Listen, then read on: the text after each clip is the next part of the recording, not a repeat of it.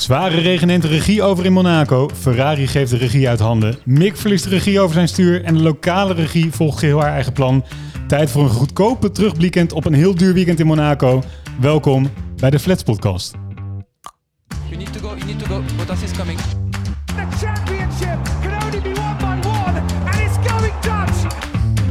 Mikey, blue flags. Even kijken hoe Tom die race beleefd heeft. Niet normaal. Niet normaal.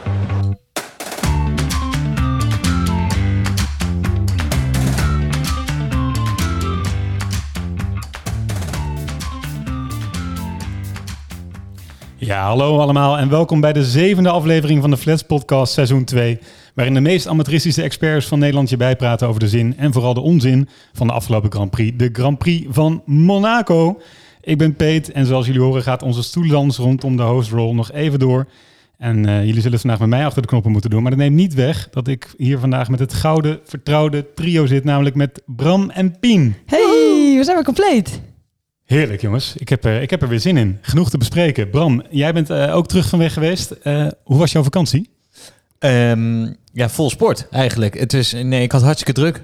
Want eh, ga maar even na, want die, die, die race was natuurlijk. Dus moet races kijken. Barcelona, ik vond het een topaflevering trouwens. Leuk om een keer te luisteren. Dank je. Dank jullie wel. Eh, maar er is eh, Giro d'Italia, leuk om te volgen. Er is Roland Garros, Champions League finale. Ik ben Feyenoord fan. En nou, dat was natuurlijk ook een finale. Dus het was, nou, ik moet even vakantie om bij te komen van de vak- vakantie. Je hebt ook vakantie genomen, toch? Om hier naar deze sportevenementen te kijken. Ja, Ja.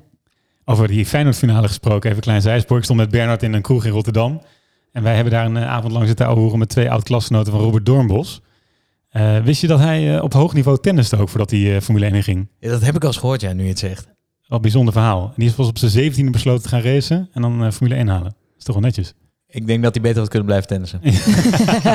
dat denk ik ook wel. Ja, ik moet wel zeggen, als je hem op tv ziet, denk je die kerel heeft jarenlang ervaring. Hij heeft elf races gereden. Heeft Ja. hij el- elf? Ja, Waren ja, ja. toen maar zo weinig races in een seizoen? Of is hij vroegtijdig eruit gekikt? Ja, weet je door wie? Christian Horner. Ja, hij zat bij Minardi, dat is voormalig Red Bull. Maar bijvoorbeeld die Albers, hè, die Christian Oh, Albers die we nu op ons, eh, op ons scherm hebben, die heeft bijvoorbeeld ruim vier keer zoveel races gereden in Formule 1. Ja, Robert Dormels is gewoon wel een stuk Maar prettiger om naar te luisteren. ook Guido van der Garde, meer races in Formule 1 dan, eh, dan eh, Robert Doornbos. Ja. Ja, goed. En toch mis ik hem als commentator dan, hè? Ik Zeker. ook. En zelfvertrouwen uitstralen scheelt dan toch een hoop. Hè? Want je denkt, eh, als hij nog vijf jaar zo doorgaat, denk ik dat hij wereldkampioen is geworden.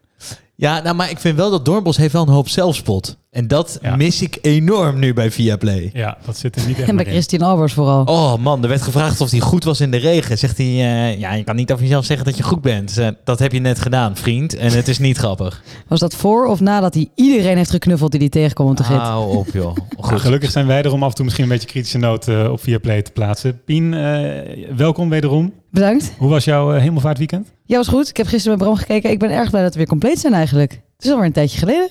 Heb jullie gemist? Ja, lekker. Ik vind het ook comfortabel om eens een keer aan deze kant van de tafel te zitten. Nou, en ik ben nog nooit zo nerveus geweest. Wat, een- wat, een- wat, wat een knoppen allemaal, joh. Ik weet niet waar ik aan moet kijken. Eh, maar het dus- gaat nu wel lekker. Gaat lekker, tot nu toe prima. Als we- de techniek wat hakkelig gaat vandaag, eh, dan eh, weten we waar het door komt. En we hebben het nogal moeilijk voor je gemaakt met 6000 fragmenten die we tegelijk willen hebben afgespeeld. P. Dus eh, voor jou een goede challenge. Ik ga mijn best doen. Nog even één vraagje, Pien, eh, aan jou. Ik zag dat jij eh, mijn Drake Wie quote op eh, de Instagram had gezet. waarvoor dank. Maar er stond er weer de hashtag bij Peter Koldewijer. En dan moet ik dus weer een nieuwe vraag gaan stellen. Wie is, wat is Koldewijer? Wiens achternaam is dat? Want ik begrijp dus dat ook weer niet. Weet, ik vind het zo voor je spreken dat je deze mensen niet kent. Ja, dat is ook wel echt, Echt? zo. ja, ik ga het Oh, niet man eens zeggen. Google maar eventjes. eh, of, of volg een beetje de achterklap van eh, nu.nl. Ja, voor de luisteraars ik heb geen social media, dus ik weet veel niet. Maar eh, ik, Yvonne Koldewij is het juice kanaal van Nederland. Je, ah, je weet waarschijnlijk niet wat juice is. Dus laten we maar. Nee, dat, weet ik, dat weet ik oprecht sinds drie weken. Precies, nou, zij is een beetje de mother of all juices. Ah, heel goed. Nou, jongens, we gaan, eh, we gaan verder. Eh, voordat we langs eh, de, uitga de uitslag gaan, blikken we eerst even terug op de race algemeen. In één keer goed! Woehoe! Lekker. Bram, we gaan Monaco eh, ehm, normaal gesproken omschrijven als de meest dure Polonaise op aarde, zou je kunnen zeggen. hè? In ieder geval tijdens de race op zondag. Maar wat vond jij van eh, deze editie? Ja, dat, dat vind ik dus wel een goede vraag. Want eh is natuurlijk een bloedzaaie race, laten we eerlijk zijn. En met de auto's van nu, veel te zwaar, veel te groot. Kan je echt niet, en dat wisten we allemaal van tevoren. En toen werd er gezegd, het enige wat dit leuk kan maken is regen. En toen dacht ik al, ja, maar ik weet niet of dat nou helemaal waar is. Want tenzij iemand ervan afglijdt, gaat die regen ook niet zo heel veel veranderen. Dus er gebeurde een hele hoop met die race. eh, eh, die, die, die werd uitgesteld, et cetera. Eh, maar toen gingen ze van start in die regen. Nou, toen konden ze geen standing start doen, omdat er dus een stroomstoring was, waardoor dat niet mogelijk was. Dus ze moesten een rolling start doen, nog weer saaier. En ook die regen bracht niet zo heel veel. Want als je gewoon niet van die baan afglijdt, en je hoeft er niet vanaf te glijden, want als je gewoon je rondjes blijft rijden, word je toch niet ingehaald. Dus je hoeft niet helemaal op de max te rijden. Ja, dan er gebeurt niet zoveel. Dus het, wat bleek dat we nou echt nodig hadden, het was niet per se regen, maar het was gewoon een, een strategieteam van Ferrari wat gewoon een complete vak afmaakt. en dat maakte uiteindelijk die race nog een beetje Ja, leuk. Oké, oké. Maar het is wel zo dat door de regen we zeg maar twee pitstops aan het begin van de race hadden. eh, hè, full wet naar Inter, naar Inter naar Slicks. Dat had wel weer invloed op in ieder geval een van die twee pitstops van, bij Ferrari die fout ging. Nou, er Omdat was ze een vak hebben gemaakt. Ja. Maar daar gaan we zo nog wel over ook hebben. wel, maar er was ook wel, ik bedoel, er was wel iets meer strategie mogelijk door de regen. Kijk, je had gehoopt dat ze gewoon een echte start hadden, want dan kon iedereen op zijn eigen bandenkeuze gaan eh, beginnen. Ja. Dat was nog leuker geweest. Maar ik vraag me af, waarom heeft het nou zo... Is het nou alleen door die stroomstoring dat het zo lang heeft geduurd? Want dat was wel een beetje een vraag die ik nog niet helemaal beantwoord kreeg. Nou, niet zo lang, maar dat, we hebben geen standing start gehad door de stroomstoring. Maar er was gewoon een rivier door die straten. Hè? Er was niet te rijden. En er was dus ook, wat ik wel las, is dat er ook eh, een, een, geen overeenkomst maar kwam tussen de stewards over hoe ze het wilden laten starten. Dat het daarom zo lang duurde. Dus bijna via fiasco eh, in je pamflet in je oor, P. Heel goed. En eh Pien, nog even een vraag aan jou. Hè? Want wij hebben ons vorige week eh, eh, gewaagd aan voorspellingen. En dan zie je maar weer dat onze status als uh, amateuristisch expert weer even eh, bewezen werd. Want als ik me goed herinner, had jij je geld gezet op Hamilton, ra- raceoverwinning, Bernard op Leclerc en ik op Max. Alle drie fout. Ja, dat is perfect. Ik, ik dacht al bij de kwalificatie, dacht ik al, ja, nou goed, eh, dit is even wel een verloren zaak. Maar had Bernard echt Leclerc gezegd? Bernard heeft Leclerc gezegd. Ja, Leclerc. Nou, zal ik wel vertellen. Bernard is eh, dan toch eh, blijkt maar weer. Ik, eh, het is voor mij een totale, totale openbaring. Toch wel een bescheiden jongen. Na de podcast zegt hij even tegen ons dat hij negende staat op het Re- Reddit voorspellingsforum, waar 270.000 mensen aan doen. Hij is nummer 9 van de Hij is hele wereld. Echt waar? Ja, dus dat is wel het orakel eh, van, onze, van onze podcast. Zit gewoon in onze podcast. Volgende week weer erbij. Jongens, lang genoeg uh, gehoord. Ik stel voor dat we nu echt gewoon... eh Pien, had jij nog één Ja, ik heb nog even één puntje. Sorry, maar we, even, ga je het nog over de regie hebben? Nee, dat Ja. mag jij doen. Vertel. Want dat was weer... Dus, dus eh, Bram heeft de vorige keer ook al aangegeven... in Monaco zijn de enige mensen die hun eigen regie hebben. Omdat ze dus zelf in beeld willen krijgen hoe Monaco gefilmd wordt. Nou, dat was me toch weer een drama. Wij zaten die race te kijken en we hebben gewoon de helft niet meegekregen. Op een gegeven moment zo, hè? Ja, zo had ik eigenlijk moeten beginnen. Ja, ik heb die hele race niet gezien. Er waren Ja, op een gegeven moment waren er gewoon vier, vier coureurs waren op de harde band weggereden. Er waren allemaal pitstops. En dan elke keer was er zo gele vlag, groene vlag. En dan geen idee wat er gebeurd was. Nee, weet, weet je wat ik de mooiste grap vond? Eh, Magnus is uitgevallen door motorproblemen. En dat zagen we pas toen Schumacher crashte en Magnussen daarna stond te kijken. Dus heel veel mensen... Toen dacht ik, hè, wat doet Magnus opeens naast die baan? Ja, ik ook. En toen dacht ik, is Magnus er gecrashed of zijn ze allebei gecrashed? En dan staat Magnus er toevallig al buiten de baan. Ja, In ieder geval, dus ik vond het wel grappig dat het dus één race per jaar is waar ze hun eigen regie regelen. En dat zie je dus dat het... Want vorig jaar was het dat incident met Stroll, weet je wel? Ja. ja, jongens, genoeg eh, over de race algemeen. We gaan door naar de ranglijst. En eh, daarmee beginnen we bij Checo Perez. Ja, P, eh, dankjewel. Want eh, het was drie keer scheepsrecht, zou je kunnen zeggen. Hoe zeg je dat in het Spaans? Ach man, betrap je me nu een keer op mijn Spaans. oh, tres veces eh, el buque se cae.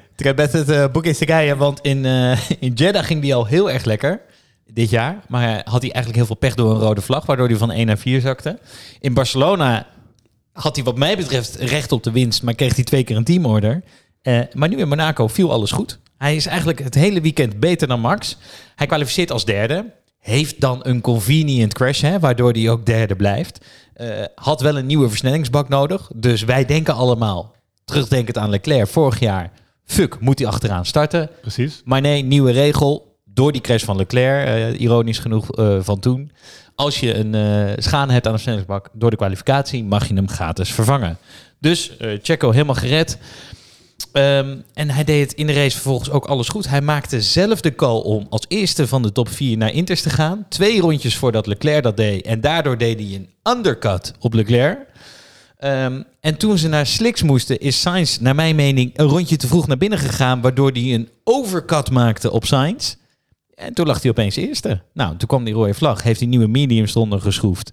En ehm, kat in het bakkie. Hij wint hem. En dat was een heel mooi fragment op de radio. There you go.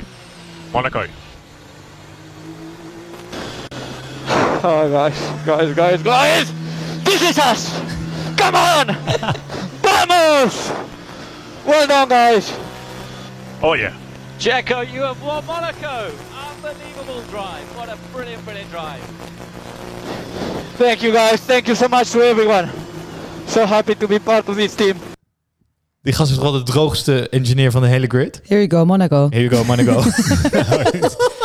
Heel Mexico in lichte laaien en dan eh, op die toon. Ja, ik zag alweer, eh, ja, want ik miste wel de pa van Perez dit keer. Moet ik Ja, zeggen. ja. Die had ik er graag bij gehad. Want op het laatst zegt hij dus eventjes, en dat is dus wel grappig, tegen Horner, eh, so happy with you guys. En in de cooldown room, en Pien zei al, daar worden mooie fragmenten worden daar uitgewisseld. Daar heeft hij eigenlijk verklapt dat hij zijn contract al verlengd heeft. En dat laat me heel even horen. Kijken of we het goed in de uitzending krijgen. Ja, het is dus, hij zegt dus, I probably signed too early, terwijl die Christian Horner een hak geeft. Maar dat is dus helemaal nog niet bekendgemaakt. En het blijft dus ook nog steeds doodstil van beide kampen. Want er was gezegd dat ze de hele zomer nog door moesten onderhandelen. Maar ja, het lijkt erop dat hij dus eh, gewoon de, de, de, de tweede coureur blijft van Red Bull. Ja, dat is echt heel mooi. Want je hebt er één interview daarna. Heb je dus van Stefan van VAP. Die zegt dus ook van... Hey, je hebt er verklapt dat je bijgetekend.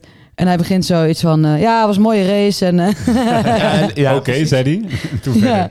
Hey, en, maar ik dacht dus eerst van, hey, perfect. Zo'n tweede man achter Max, weet je wel. En eh, dit is helemaal goed met mijn oranje bril op voor Max. Maar ik kijk naar die stand en ik schrik me kapot. Want hij staat dus maar 15 punten achter Max in dat kampioenschap. Bizar, inderdaad. Ja, en nu, eh, ik zeg maar... Nou ja, ik wil niet zeggen dat hij een betere keur is dan Max, verre van. Maar toch, weet je, ik ben toch wel benieuwd hoe zich dat gaat ontvouwen. Want is die nou wel tweede coureur of niet? nou, dat is, vind ik dus wel een hele interessante. Want ik zat de hele tijd te wachten totdat hij teamorders zou krijgen... om Max weer voorbij te laten gaan. Maar dat gebeurt dus niet. Stel je voor dat Ferrari dus nu helemaal Max gaat dichtzetten, bijvoorbeeld. Dan wordt dus Perez wordt dus niet meer een tweede coureur. En dan, ben je dus je, dan is Max eigenlijk zijn steun kwijt. Want hij heeft Perez dus wel-. Ja, want hij, heeft, hij heeft dus gewoon wel Perez nodig om te winnen. Want dat is het voordeel van Red Bull. Ik vind het wel... Stel je voor, ze staan dus gelijk in het kampioenschap. Boeit het ze dan? Wie er wint of niet? Want waarom, zou, waarom zouden ze eigenlijk Max liever kampioen zien dan Perez... als het allebei Red Bull zijn? omdat Max je lange termijn coureur is voor de komende tien jaar. Dus wat dat betreft ga je met hem richting die zeven titels van Schumacher misschien wel. Maar verder inderdaad geen, geen argument. Prima als je maar wint. Ja, dat- ik denk ook dat het ze niet heel veel uitmaakt. Want dat zei Horner ergens in een interview van... het maakt niet uit wie er kampioen wordt. Maar dat is mijn, mijn vraag aan jullie. Geloven jullie dat? Of denken jullie dat hij alsnog Max gaat voortrekken? Ik bedoel, de kans dat dit gebeurt is best wel klein. Hè? Waarschijnlijk is Max is gewoon over het algemeen wel echt veel beter. Maar ja, st- stel, het hypothetische scenario. Ja, ik denk dat Max altijd op, op, op een manier die misschien voor ons niet altijd zichtbaar is, op, op, op een manier wel voorgetrokken wordt in dat team. Puur en alleen omdat het hele team om hem heen gebouwd is. En, en Checo zich daar ook prima naar schikt. Maar ja, weet je, dat kan veranderen als, als Checo nu gewoon de, de komende drie races op rij wint. Hè? Dan, is het, dan is het ook weer gewoon zo'n opportunistische sport dat de boel weer omdraait. Nou, Nou, en het leuke is dus, want hij is dus. De, het woord straatvechter wordt heel veel gebruikt in de Formule 1. Maar hij, wint dus, hij is dus heel goed op straatcircuits. Want dit is twee van de drie wins die hij heeft, is op een straatcircuit. En we gaan nu naar Baku, is een straatcircuit. Dus wat als die, die inderdaad, als hij daar ook weer punten inloopt op Max, Ja, wordt het gat toch wel heel klein. het staat Maar- inderdaad dicht op elkaar. En wat me ook opviel, Perez staat eh, zes, maar zes punten achter Leclerc. Hè? Dat is bijna gewoon een 1-2 in het kampioenschap voor eh, Red Bull. Nou, dat vind ik vooral. Maar en dus als het dus niet heel veel gaat uitmaken, als, of in ieder geval als Max dan door het team wel wordt voorgetrokken, dan wordt het alsnog misschien wel een fitty tussen hun twee. Want Max is heel erg gewend toch dat hij wordt voorgetrokken. En als Perez kan dan wel ontevreden gaan worden. Ik weet niet, daar, daar kan, die dynamieken kunnen nog wel veranderen, denk ik. Ja, ik denk dat deze...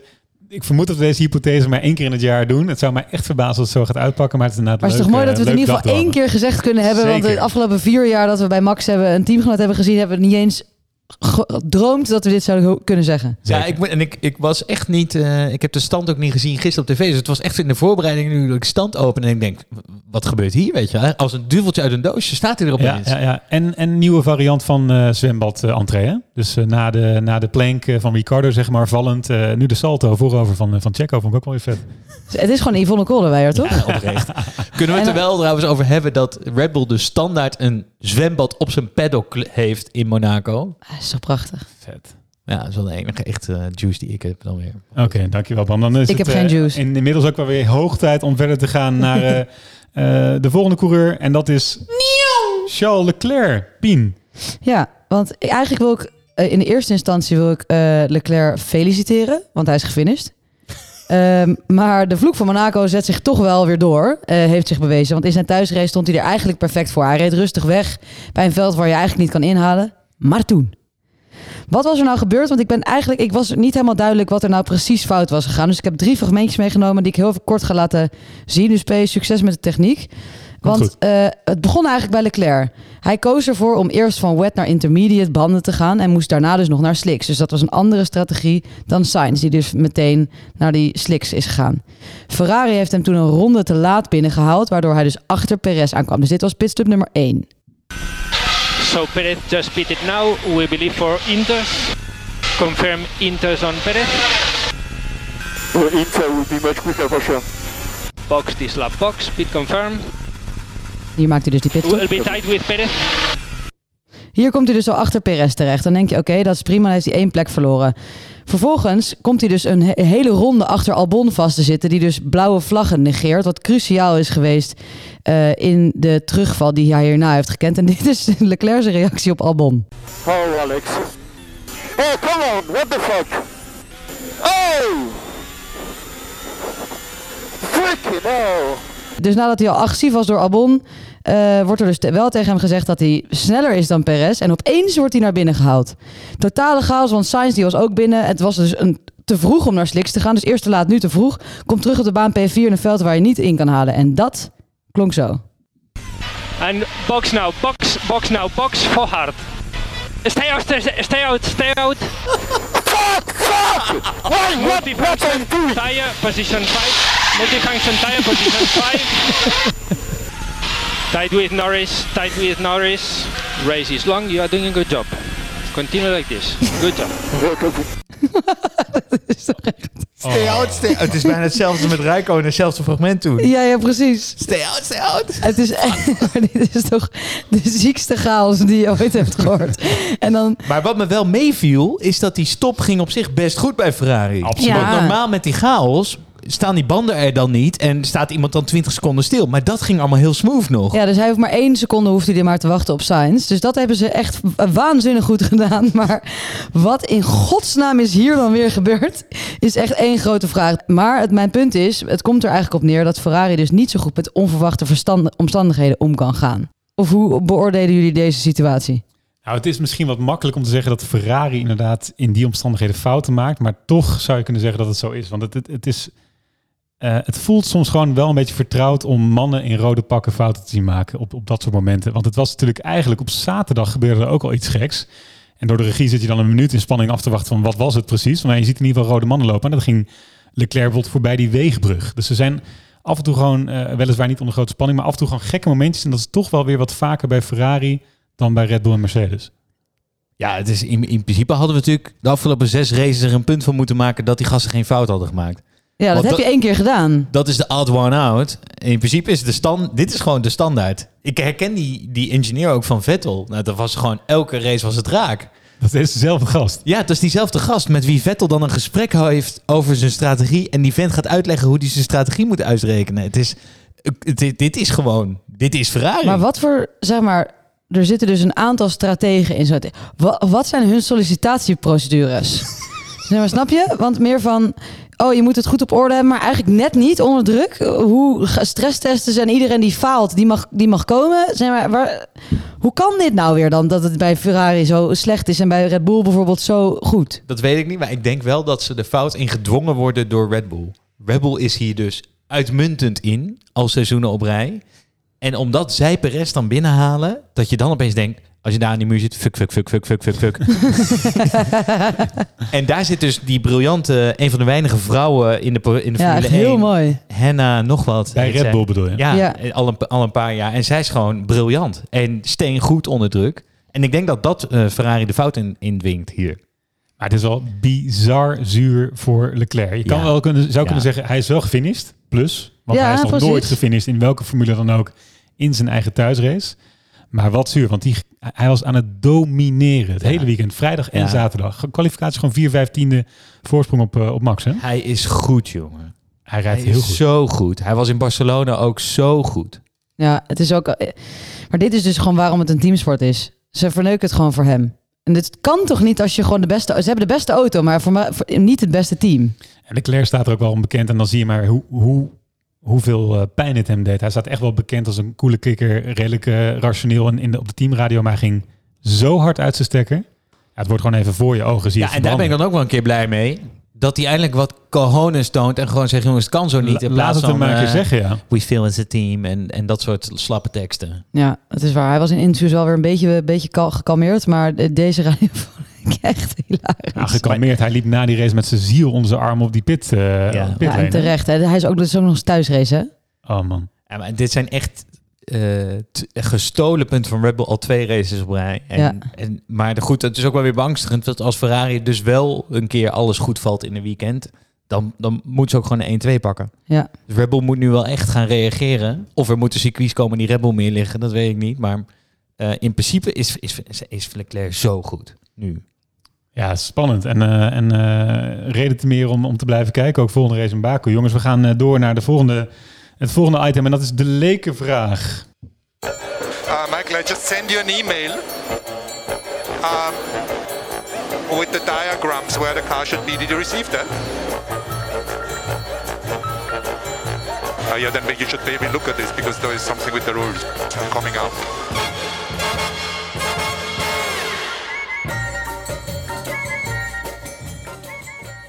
Ja, het is weer tijd voor de lekenvraag. En normaal eh, zit ik op de stoel om de vraag te beantwoorden. Maar dit, eh, deze week gaat de vraag naar Bram. Deze race had twee rode vlaggen. En door de uitloop in de tijd eh, die dat veroorzaakte... is de race gefinished door een drie uur deadline om zes uur. En daardoor is dus niet de maximale hoeveelheid ronden gereden. De vraag is nu, Bram, waarom bestaat deze drie uur regel? Goeie vraag. Ik zat even door die jingle trouwens, heel even tussendoor. Maar het is zo grappig dat je Toto Wolf hoor ik gewoon nooit meer dit seizoen. Hij is weinig meer in beeld, hè? Ja, zo, omdat zo'n team zakt dus weg naar het middenveld en is dus ook meteen uit de aandacht. Ja. Ik, zie, ik krijg nooit meer een quote of zo van hem voorbij. Kan ik daar nog een soort van eh, semi-complottheorie op loslaten? Ik vind namelijk dat het imago van Toto vorig jaar totaal down the drain is gegaan. ja, maar deze hij, quote is toch wel briljant? Ja, de- maar hij heeft van absolute winnaar en iedereen die, eh, iemand die alles onder controle heeft, is zeg maar naar totale chaot gegaan. En mis- misschien heeft hij ook al gezegd, jongens, ik wil het gewoon dit jaar met die camera niet te veel meer eh, met mij in beeld. Of ze hebben hem gewoon op mute gezet. Ja, ze hebben gewoon, het boeit. Mercedes boeit niet meer en je ziet hem dus ook niet meer.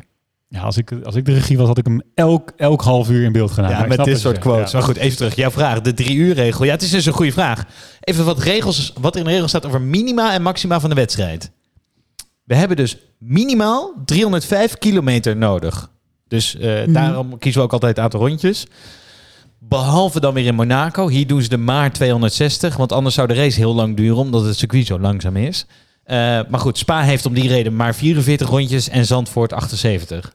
Dus als je naar Zandvoort gaat, zie je de, letterlijk die auto's twee keer meer voorbij komen dan wanneer je naar Spa gaat. Dat is wel meer waar voor je geld. Ja, zoals zuinige Hollanders vinden we dat leuk natuurlijk. Dus wij volgend jaar naar Monaco. Eh, Dus eh Spa is lang, Zandvoort is kort. Eh, een race zelf mag maximaal twee uur duren. En als er dan onderbrekingen zijn, mag het hele totaal niet langer dan drie uur duren. En als die klok dan op nul staat via Play, moeten ze dus nog één rondje. Dat Dat weet echt iedere mogol op aarde, behalve die twee in die commentaarpositie. Echt waar. Nou goed. Nelson en Melro hebben het over. Ja, die Afstandsbediening door de tv heen. Waarom is een beetje lastig te vinden. Eh, de meest gangbare uitleg die ik eh, heb gevonden heeft te maken met daglicht. Dat het op een gegeven moment te donker zou worden. En daarnaast werd genoemd de fysieke gesteldheid van een coureur. Dat je gewoon zo'n evenement niet te lang kan laten duren, want dan verliezen ze concentratie. Maar ik, heb, ik vind het eigenlijk gewoon best een hele rare regel. Ik ken geen enkele sport waarbij er een winnaar moet komen die dan door tijd begrensd is. Dus tenniswedstrijden gaan gewoon oneindig door totdat er een winnaar is. Eh, voetbal, als je een winnaar nodig hebt, ja, je blijft gewoon penalties nemen totdat er eentje mist. Waarom is dat hier door een regel begrensd? Ik vind dat heel gek. Nou, mij kwam het gisteren wel goed uit, moet ik zeggen. Ja. Maar goed, eh, de, de, vrouw des huizes was jarig, even voor de mensen thuis. En je kijkt al natuurlijk voor, uurtje voorbeschouwing, uurtje nabeschouwing, zit je normaal al op vier uur. En nu met een uurtje uitloop vijf uur. Ja, op een gegeven moment moet je toch een nieuw zakje chips gaan halen. Ik zie ook allemaal logistieke beperkingen van eh, als het te lang doorgaat. Ja, mijn vriend die zat met zijn hele schoonfamilie dit te kijken. En dan heb je opeens twee uur uitlopen. Hè? Dan moet je dus twee uur extra tekst hebben. Nou, ik zeg maar. Ik bedoel, Ja, ik denk dat we dus hier het antwoord hebben. Volgens mij is het dus om maar commerciële redenen om de luisteraar of de kijker vast te houden. Maar het, het is natuurlijk bullshit. Kijk, een cricketwedstrijd duurt gewoon drie dagen standaard. Ja, dat kijken mensen ook. Ja, toch? Het is maar net waar je aan gewend bent. Maar, dus eh, ja, dus, eh, het waarom het blijft nog een beetje in het vage hangen. Maar eh, dit zijn de regels rondom eh, minima en maxima. Dank voor deze verduidelijking, Bram. Daar kunnen, wij, daar kunnen wij mee verder. En dan gaan we verder naar de volgende coureur op de ranglijst. En dat is... Fernando Alonso. Bram. Ja, jongens, Fernando Alonso, dat was toch even genieten. De aanvoerder van het pensioenpeloton was gewoon een rondje op zondag aan het cruisen. Die, hij kwalificeerde zich als zevende. Hij, hij crashte trouwens ook. Eh, want dus als eh, Perez niet eh, de rode vlag had veroorzaakt, was het wel Alonso geweest. Op zaterdag. En ehm, toen startte hij op mediums. En toen dacht hij, ja, weet je, het- ik weet niet of die band het wel volhoudt tot het einde op mijn Alpine. Ik ga even rustig aan doen. en hij ging heel rustig aan doen. En hij heeft eigenlijk met gewoon twee middel... Het is ergens ook een statement naar Monaco. Met twee middelvingers uit die auto. Reed hij op een gegeven moment gewoon drie seconden langzamer dan zijn voorganger eh, Norris. En Hamilton strak in zijn nek. Maar ja, het, het boeide hem helemaal niks. En na 15 rondjes zei toen eh, het team tegen hem van... Ja, eh, Ocon die zit achter je. Iedereen zit trouwens achter je. Het was echt alle stipjes op de radar zaten ook bij elkaar. maar ehm, eh, die, die heeft een 5 seconden time penalty. Precies. Dus het is fijn als er nog even een gat getrokken wordt. Nou, toen zette hij aan. Toen had hij bijna de snelste raceronde van, van iedereen. Die is alleen nog afgepakt door Norris met nieuwe banden.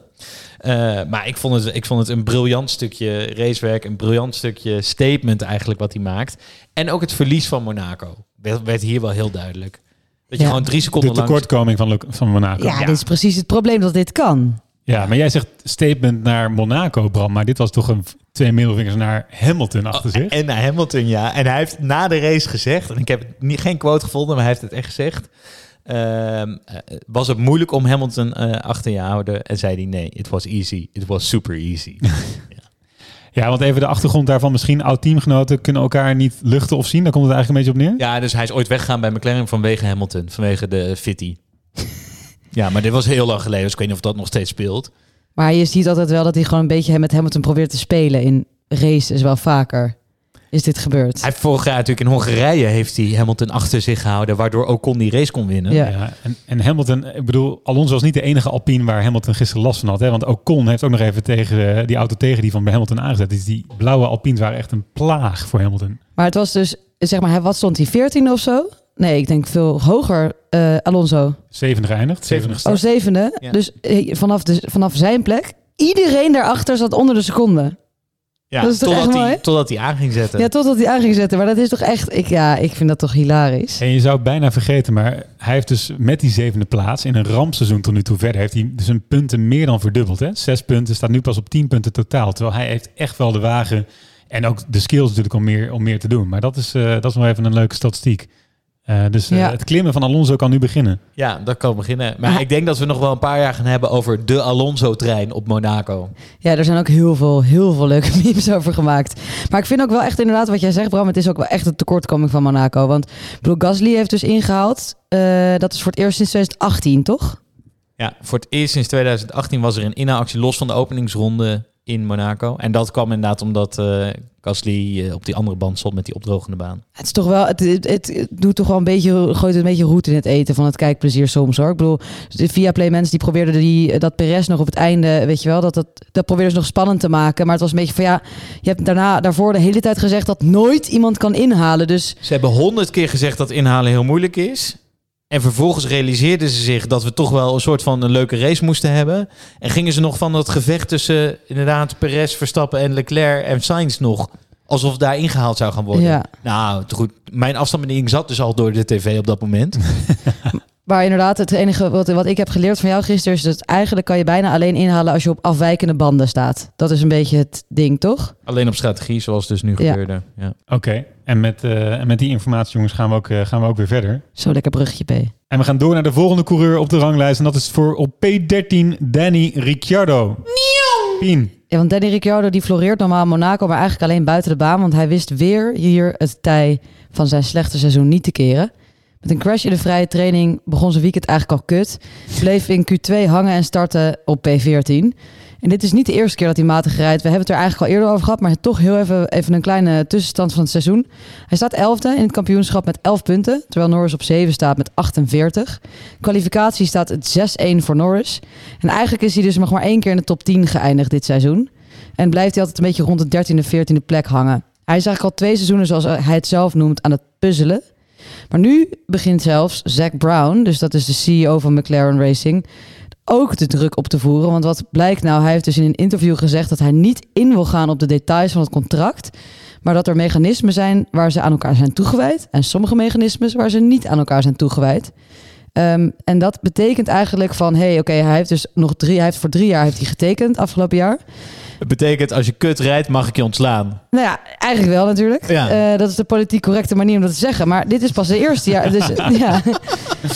Anyway's, hij begint die druk al op te voeren. Danny Ricciardo zit waarschijnlijk helemaal niet lekker in zo. En dat is te horen op de radio die na de race naar voren kwam. Stronger in Baku.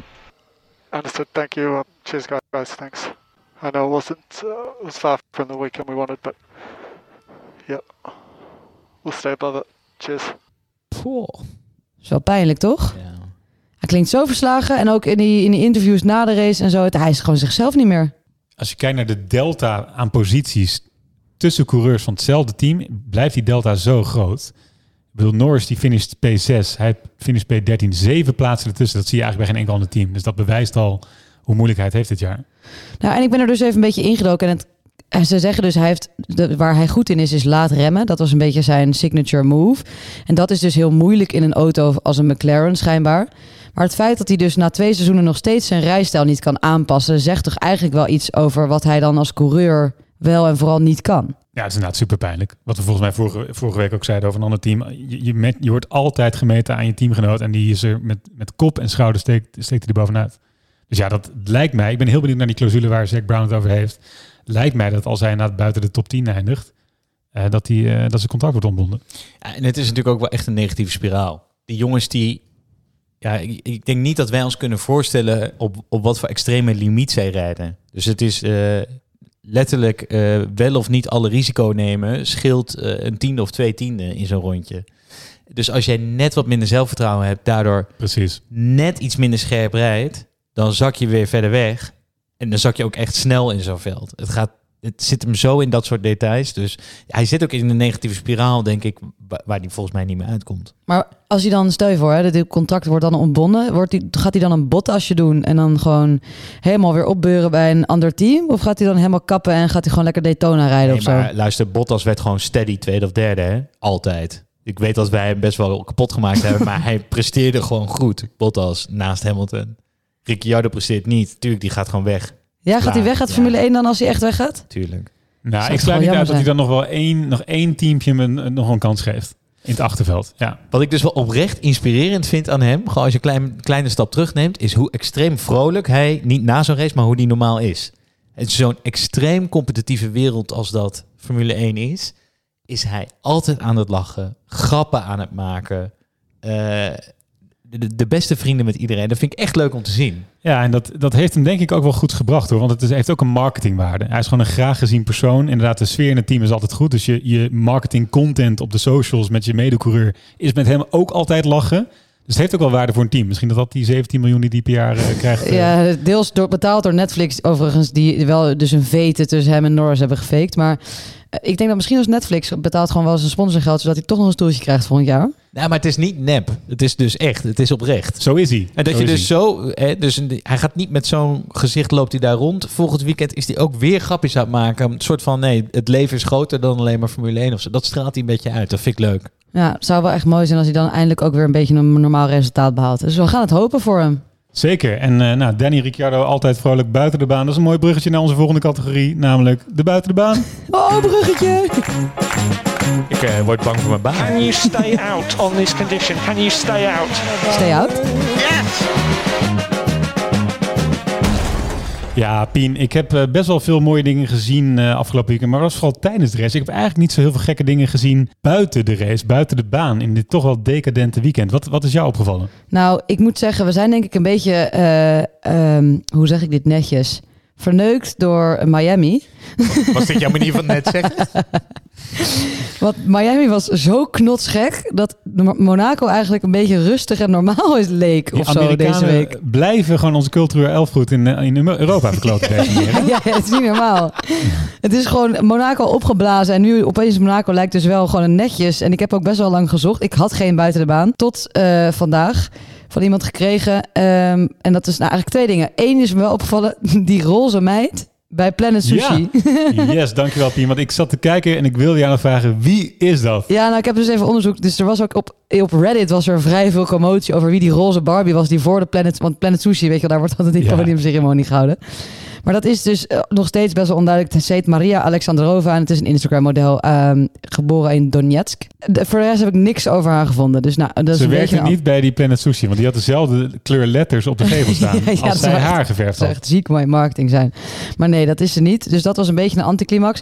Wel ehm, Vettel, en jullie, jullie, deze kreeg dus door. Vettel is een soort Benjamin Button geworden van de Formule 1. Die man heeft nieuw, weer een nieuwe haarkoep. En die, die ziet eruit als een soort van verloren Tarzan eh, tegenwoordig. In, ieder geval iets waar je dus buiten de baan op moet gaan letten.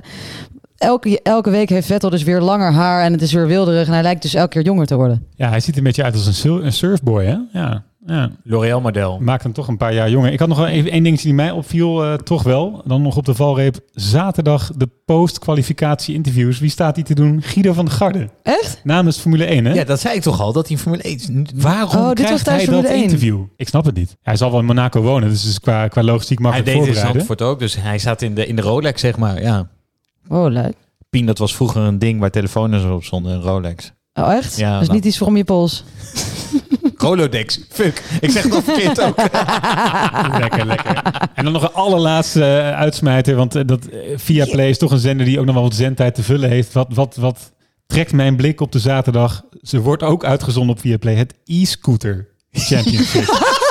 Heb je dat gezien? Nee, gaan we het niet over hebben. Nou, nee, ik stop Nee, hier nu. ik, sorry, ik ga even, gesprek. ik ga dit op de, ik heb deze ook doorgekregen. Ik ga dit op de Instagram eh, zetten. Die filmpjes zijn echt, ik heb nog nooit zoiets gezien. Het is echt idioot. Nee, jongens, voordat Bram achter de knoppen springt, gaan we toch gauw door naar eh, de Pe- volgende coureur. En dat is Nicolas Latifi. Ja, nou, Nicolas Latifi, ja. Goed, ja.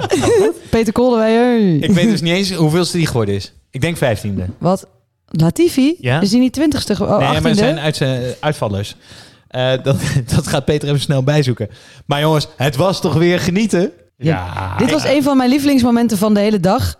Dat hij... Nou, ga, ga verder eerst. Gewoon heel Latifi was mijn lievelingsmoment van het weekend. Het, het, het, blij- het wordt zo kolderiek met deze gast. Dit is de nieuwe Mazepin. Nee, nieuw, hij gaat beyond Mazepin. Want, let op. De safety car komt dus weer naar buiten na die rode vlag. Dan weet je, het heeft zo hard geregend dat we een uur gewacht hebben. Weet je wel? Kijk een beetje uit. We hebben een rolling start achter de safety. Kiek een beetje uit, weet je. Rustig aan. En ik zeg, nog, ik zeg echt 10 seconden ervoor, zeg ik nog... zou je zien dat er iemand achter die safety car gaat crashen. En jawel, wie was het? Nicolas Latifi. Gaetan, the car just didn't turn. I just crashed into the hairpin. Okay, can you select reverse? Can you select reverse? We need a front wing. Okay, okay front wing. Copy front wing. Nou, dat is dus anderhalve ton, alsjeblieft. Ding, ding, ding. Bizar. Die gast heeft dus een, eh, een klein appartementje in Amsterdam. Heeft hij eh, eventjes achter de safety car in de hairpin eraf Ja, getikt. Zo'n onnodig moment inderdaad. Oh man, en dat- de car just didn't turn. Echt bizar. Maar wacht, dit was wel even niet alleen Latifi. Want Stroll- het was pay driver shitshow was Ja, het, hè? Want het was ook Stroll, was het, Er ging die nog, crashte. ging nog een rijke zoontje eraf. En Stro- eh, en dat is ook een Canadees. En, ja, precies. En daarna nog eh, ook Schumacher. Dus dit, het was pay driver shitshow. En ook nog eens... Nou, daar gaan we nog wel op terugkomen. Joe. Let op, maar de rest heeft dus ook door dat je Latifi best wel de schuld kan geven van iets. Want Sainz, die heeft dus na afloop echt voor iedere camera heeft hij Precies. gezegd dat hij in zijn outlap opgehouden werd door eh, Latifi en daarom achter Perez terecht kwam en daarom de race verloren heeft. Maar volgens mij was dat niet helemaal waar. Ik heb dus die rondetijdens bekeken, eh Perez Sainz, eh, maar dus die outlap was gelijk aan Perez. Dus volgens mij geeft Sainz Latifi de schuld. Maar Ah. hij, heeft, hij heeft vier seconden was Perez sneller bij die lap de pit in. En eh Perez was vijf seconden sneller de eerste, rond, eerste volledige ronde na de pitstop. Dus kijk, je kan wel wat tijd verliezen door een blauwe vlag, maar niet negen seconden. Het is goed dat je het even gecheckt hebt, want ik, ik geloof het volledig op die donkerbruine ogen van Sainz dat dit waar was. Ja, ja, met die Elvis-koep van hem. Ik Ja. ook. En Maar met die donkerblauwe auto van Latifi geloofde ik het ook meteen eigenlijk. Iedereen heeft dus helemaal door dat je Latifi gewoon... Hop, is er, is er iets aan de hand in de Formule 1 en eh, wil je iemand schuld geven? Hop, Latifi. Maar ik heb het pijnlijkste voor het laatste bewaard, jongens. Dus op vrijdag begint die vrije training. En ja, je moet even luisteren naar wat die engineer nu zegt. Dus eh, de, de eigen engineer zegt nu tegen Latifi iets wat het, het meest pijnlijk is wat je als coureur te horen kan krijgen. Green, try to follow Alex. You can probably learn from him.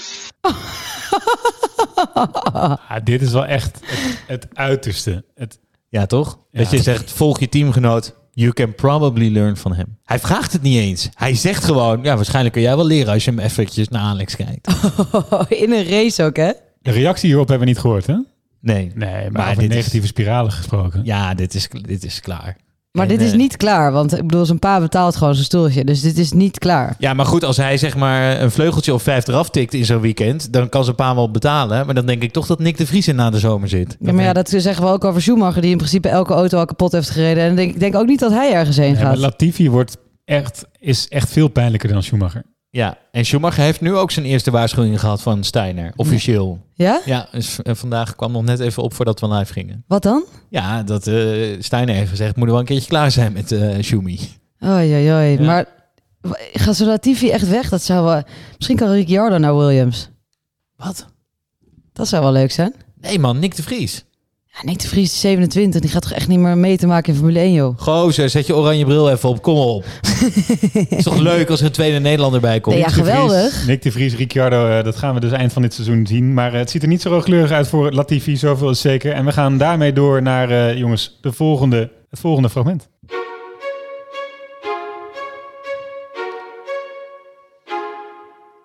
Fernando made it pretty clear. He said you have to leave it the space. All the time you have to leave it the space.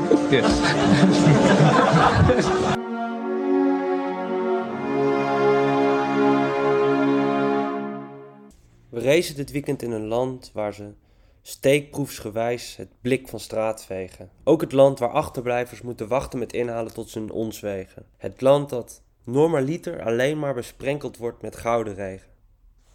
Money Co. daar in Monaco. Alleen dit weekend was het anders dan verwacht. Want wanneer na de kwalie de nacht valt, verdwijnt de leiding voor Leclerc als regen op warm asfalt. Geen gouden, maar zure regen die zijn land vandaag bederft, als hij van zijn team een nieuwe set aan fouten erft. Red Bull daarentegen zet de regen wel om in de juiste set en slaan uit de neerslag afgelopen zondag een meesterlijke slag. Het regent zonnestralen en die zijn onbetaalbaar. Ja, en dat brengt ons eh, uiteindelijk tot de vooruitblik naar de volgende race. En dat is de Grand Prix van Azerbeidzjan. Jongens, normaal probeer ik deze een beetje voor te bereiden. Hebben jullie dat eh, op dit moment gedaan? Nee. Baku? Baku? Baku? Baku, Oké, daar is hij weer. Vorig jaar hebben we heel veel slechte namen over deze, of eh, grappen over deze naam gemaakt. Wat, barman, twee Ja, dan kan ik hem, eh, die, die, ja. Dankjewel, Pien. Gewoon nog een keer opnieuw maken. Dankjewel. Ik zal hem dan toch maar gewoon even introduceren. Want eh, dit jaar inderdaad twee straatcircuits achter elkaar met Monaco eh, afgelopen weekend. Baku eh, als, als tweede straatcircuit direct daarop volgend. Maar wel eentje die verschilt van, van Monaco. Want hier kun je toch wel stukken beter inhalen. Zeker als we even terugdenken aan de legendarische race van vorig jaar waar Max uitviel. En Lewis bij de herstart de kans kreeg om de leiding over te nemen. En maar recht doorschoot en vervolgens Perez de race liet winnen. Eh, wat kun je nog meer over zeggen, jongens, over deze race? Vettel is historisch goed. Altijd eh, ergens tussen B- P1 en P4. Je hebt dat brede en lange stuk start-finish, waar echt letterlijk een vliegtuig kan landen. En je hebt zowel snelheid als die low-speed corners van de straatcircuit. Dus je zou kunnen zeggen, genoeg te balanceren en, en eh, kijken naar de juiste instellingen voor de teams. Genoeg uitdagingen daar. Maar wat zijn, wat zijn jullie herinneringen aan Baku en hoe zien jullie eh, eh, de race van volgende week? Dit was toch niet de deal or no deal circuit? Nee, nee, nee, nee. Dat was Jeddah. Dat was Jeddah. Nee, dit was klapband. Oh, dit was klapband. Dit was de, we zijn ook genoeg gifjes en memes van gemaakt. B- eh, Max die tegen zijn band trapt omdat hij eh, twee Ja. klapbanden. En Ja, ja. op datzelfde rechtstuk, eh, een paar ronden daarvoor, ook Stroll. Dus Maar dat Pirelli zelf zag er daar toen niet goed uit. Stroll uiteraard zelf gedaan, zou je kunnen zeggen. Was schuld van Latifi. Nee, En de magic button was dit vorig jaar. Dit had liefst de magic button aan. Oh, Van dit was Hamilton. dat Olaf Mol helemaal losging. Sukkel! Ja, Ja, oké, nou, ik weet het weer. Perfect. dus we Vorig weten wat jaar, er nou. vorig jaar gebeurd is, maar nu wat er dit jaar gaat gebeuren. Ja, rechte lang, hele lange rechtstukken. Dus volgens mij is die Red Bull snel. Sneller op het rechtstuk dan Ferrari. Ja. Ehm, en we zagen in Miami dat dat wel gewoon... Ja, dat je dan eigenlijk wel de race kan winnen. Dus wie weet dat ze hier dan dat momentum van Ferrari... wat Ferrari dus heeft, maar er nog niet is uitgekomen de afgelopen twee races... dat ze dat hier weer een beetje om willen draaien. Ja, wie weet. Ik ben benieuwd. Durven we, wagen we ons nog aan een nieuwe gokje, Pien? Nee. Het orakel is er ook niet bij. Misschien moeten we gewoon even bewaren voor de volgende keer. Ja. Ik kan misschien even een s- screenshotje naar ons sturen van zijn eh, voorspelling op Reddit. Ik zeg, eh, ik zeg ja, Max. Ik denk, ik denk dus... Jij waagt je eraan? Ja, door die rechte stukken denk ik Max. En Max is getergerd en dan is hij goed. Want hij heeft, hij had gewoon een klote weekend nu in Monaco. Ja. Ik zet mijn geld ook op Max. Jij tien? Nou, dan doe ik er wel op eh eh, Perez. Vind ik ook leuk. Ik ga denk ik een track record ontwikkelen voor slechte voorspellingen. Oké, nou jongens, we gaan het zien. Ga jij nog een voorspelling doen of wat? Ik zei net, eh, ik zet ook mijn geld net- Ja, ik luister überhaupt Ja. naar wat je zegt. Hey jongens, maar dat brengt ons een beetje aan het einde van de podcast. Ja, en dat brengt ons dus aan het einde, jongens. Bedankt eh, voor het vertrouwen. Hey, bedankt voor het hosten. Je hebt het hartstikke goed gedaan. Eh, misschien moeten we even evalueren of Bram nog wel weer terugkomt. Of zo zit je? Ja, ik vond de bruggetjes lekker. We blijven gewoon een beetje roleren. We gaan het zien. Maar in ieder geval, eh, de luisteraars thuis, dank voor het luisteren. Volg onze socials op Pini gaat los op memes en, en gifjes en allemaal dingen die ik natuurlijk niet begrijp als non-social. Eh, maar we zien jullie heel graag weer terug bij de volgende race. Dank Zeker. jullie Ik wel. heb er heel veel zin in weer. Oké. Baku. Bye, Bye, man. Bye, Baku.